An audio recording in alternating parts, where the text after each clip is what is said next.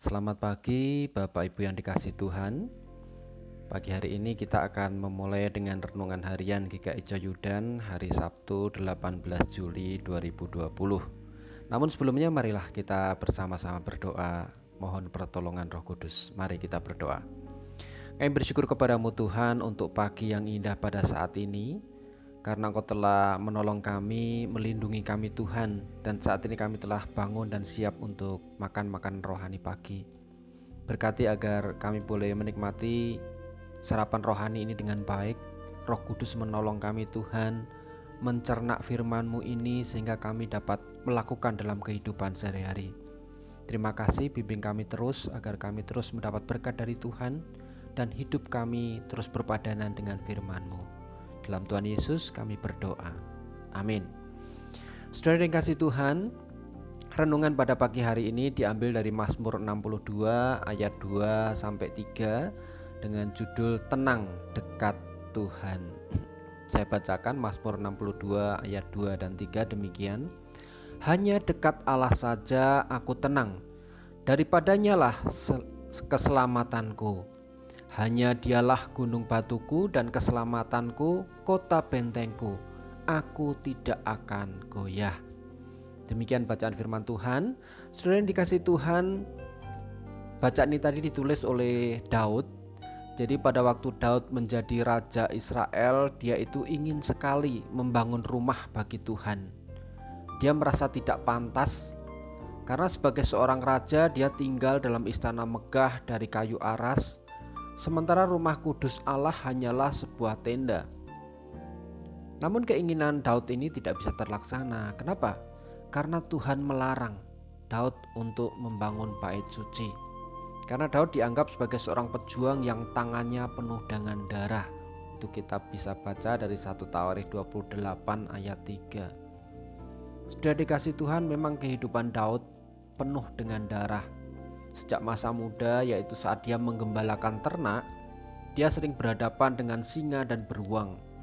Dia bertarung dan akhirnya menang untuk melindungi dombanya yang sebenarnya jumlahnya tidak seberapa. Dan waktu dia mulai remaja, pemuda, dia berhadapan dengan Goliat, bahkan dia bisa mengalahkannya. Setelah itu dia menjadi prajurit Israel dan setelah itu dia harus bertempur dengan banyak sekali orang, memimpin pasukan Bahkan dia mengalahkan banyak musuh Israel. Sehingga bisa dibayangkan bagaimana kehidupan Daud.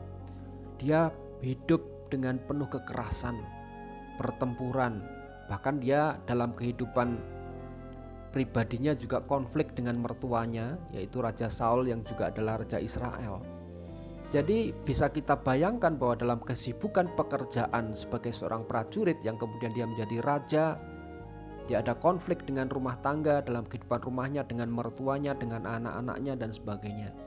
Tapi satu hal yang bisa kita teladani dari Daud, di tengah kekerasan hidup dan kesesakan yang dia alami, Daud masih menyediakan waktu untuk dekat dengan Allah. Dia merasakan ketenangan yang luar biasa saat bisa berdoa atau berkomunikasi dengan Tuhan. Dia merasa bahwa segala kekuatan yang dimilikinya sehingga menang, menang melawan musuh adalah karena Tuhan. Saat bertempur dalam kesulitan, saat dia terdesak, dia merasa bahwa Tuhan selalu mendengar teriakannya saat dia meminta pertolongan. Daud benar-benar merasakan bahwa ketenangan hanya dia peroleh ketika dekat dengan Tuhan. Sehingga dituliskan tadi, hanya dekat Allah saja aku tenang. Daripadanya lah keselamatanku. Betapa waktu teduh saat keheningan di tengah pengembaraannya memburu musuh menjadi waktu yang sangat berharga bagi Daud. Waktu bersama Tuhan sungguh sangat dibutuhkan.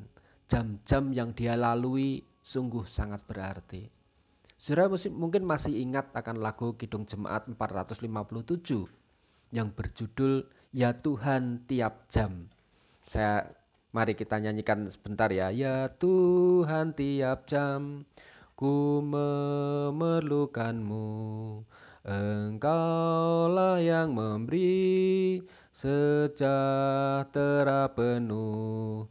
Setiap jam ya Tuhan di kau ku perlukan Ku datang juru selamat berkatilah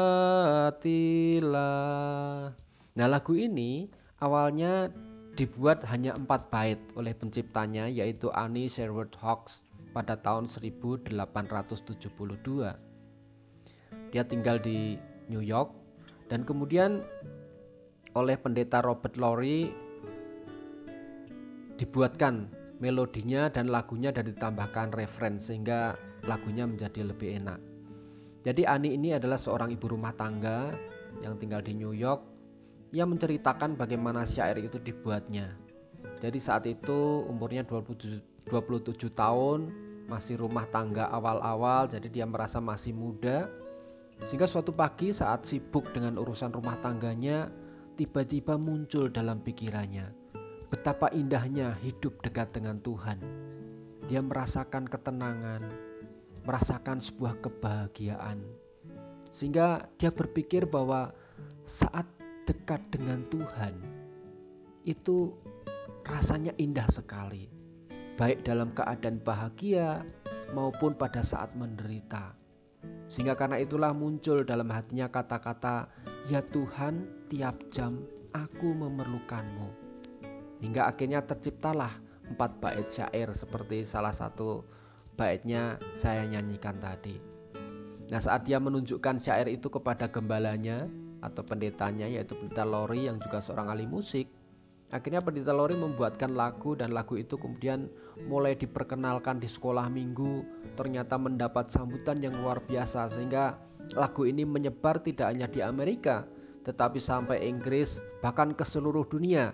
Dan saat ini kita di Indonesia di Solo juga mengenalnya melalui Kidung Jemaat dan 16 tahun setelah dia membuat syair itu Ani kehilangan suaminya dan justru di masa dukanya itulah dia mendapat hiburan dari syair lagu yang dikarangnya.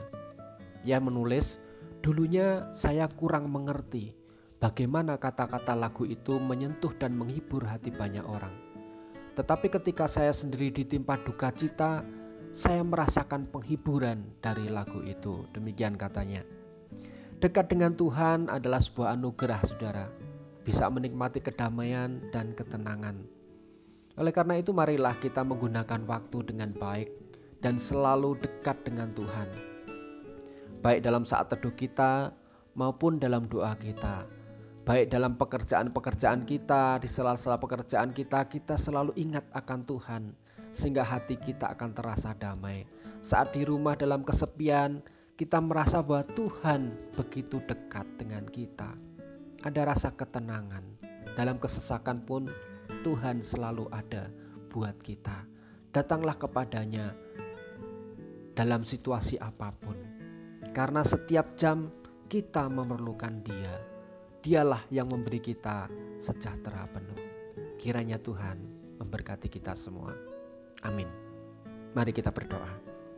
Kami bersyukur padamu Tuhan untuk pagi hari ini Kau telah menguatkan kami untuk selalu dekat dengan Engkau seperti Daud di tengah pergolakan hidupnya, kesesakan hidupnya Tuhan, pergumulan yang dihadapinya, dia merasakan ketenangan yang luar biasa saat dekat dengan Tuhan. Demikian pula dengan Ani Tuhan yang telah menciptakan lagu Ya Tuhan tiap jam. Dia juga merasakan ketenangan, damai, sukacita pada saat dekat dengan Engkau. Karena itu biarlah kami menggunakan waktu-waktu kami, jam-jam kami untuk selalu dekat dengan Engkau. Hati kami selalu tertaut dengan Engkau Tuhan. Berkati hari ini agar kami boleh melangkah dengan baik, menjadi sukacita dalam kehidupan kami dan orang melihat betapa Tuhan mengasihi kami dan mereka juga melihat bahwa kami pun bisa memancarkan kasih Tuhan melalui seluruh kehidupan kami. Terima kasih ya Tuhan untuk kasih-Mu. Di dalam Yesus kami berdoa. Amin.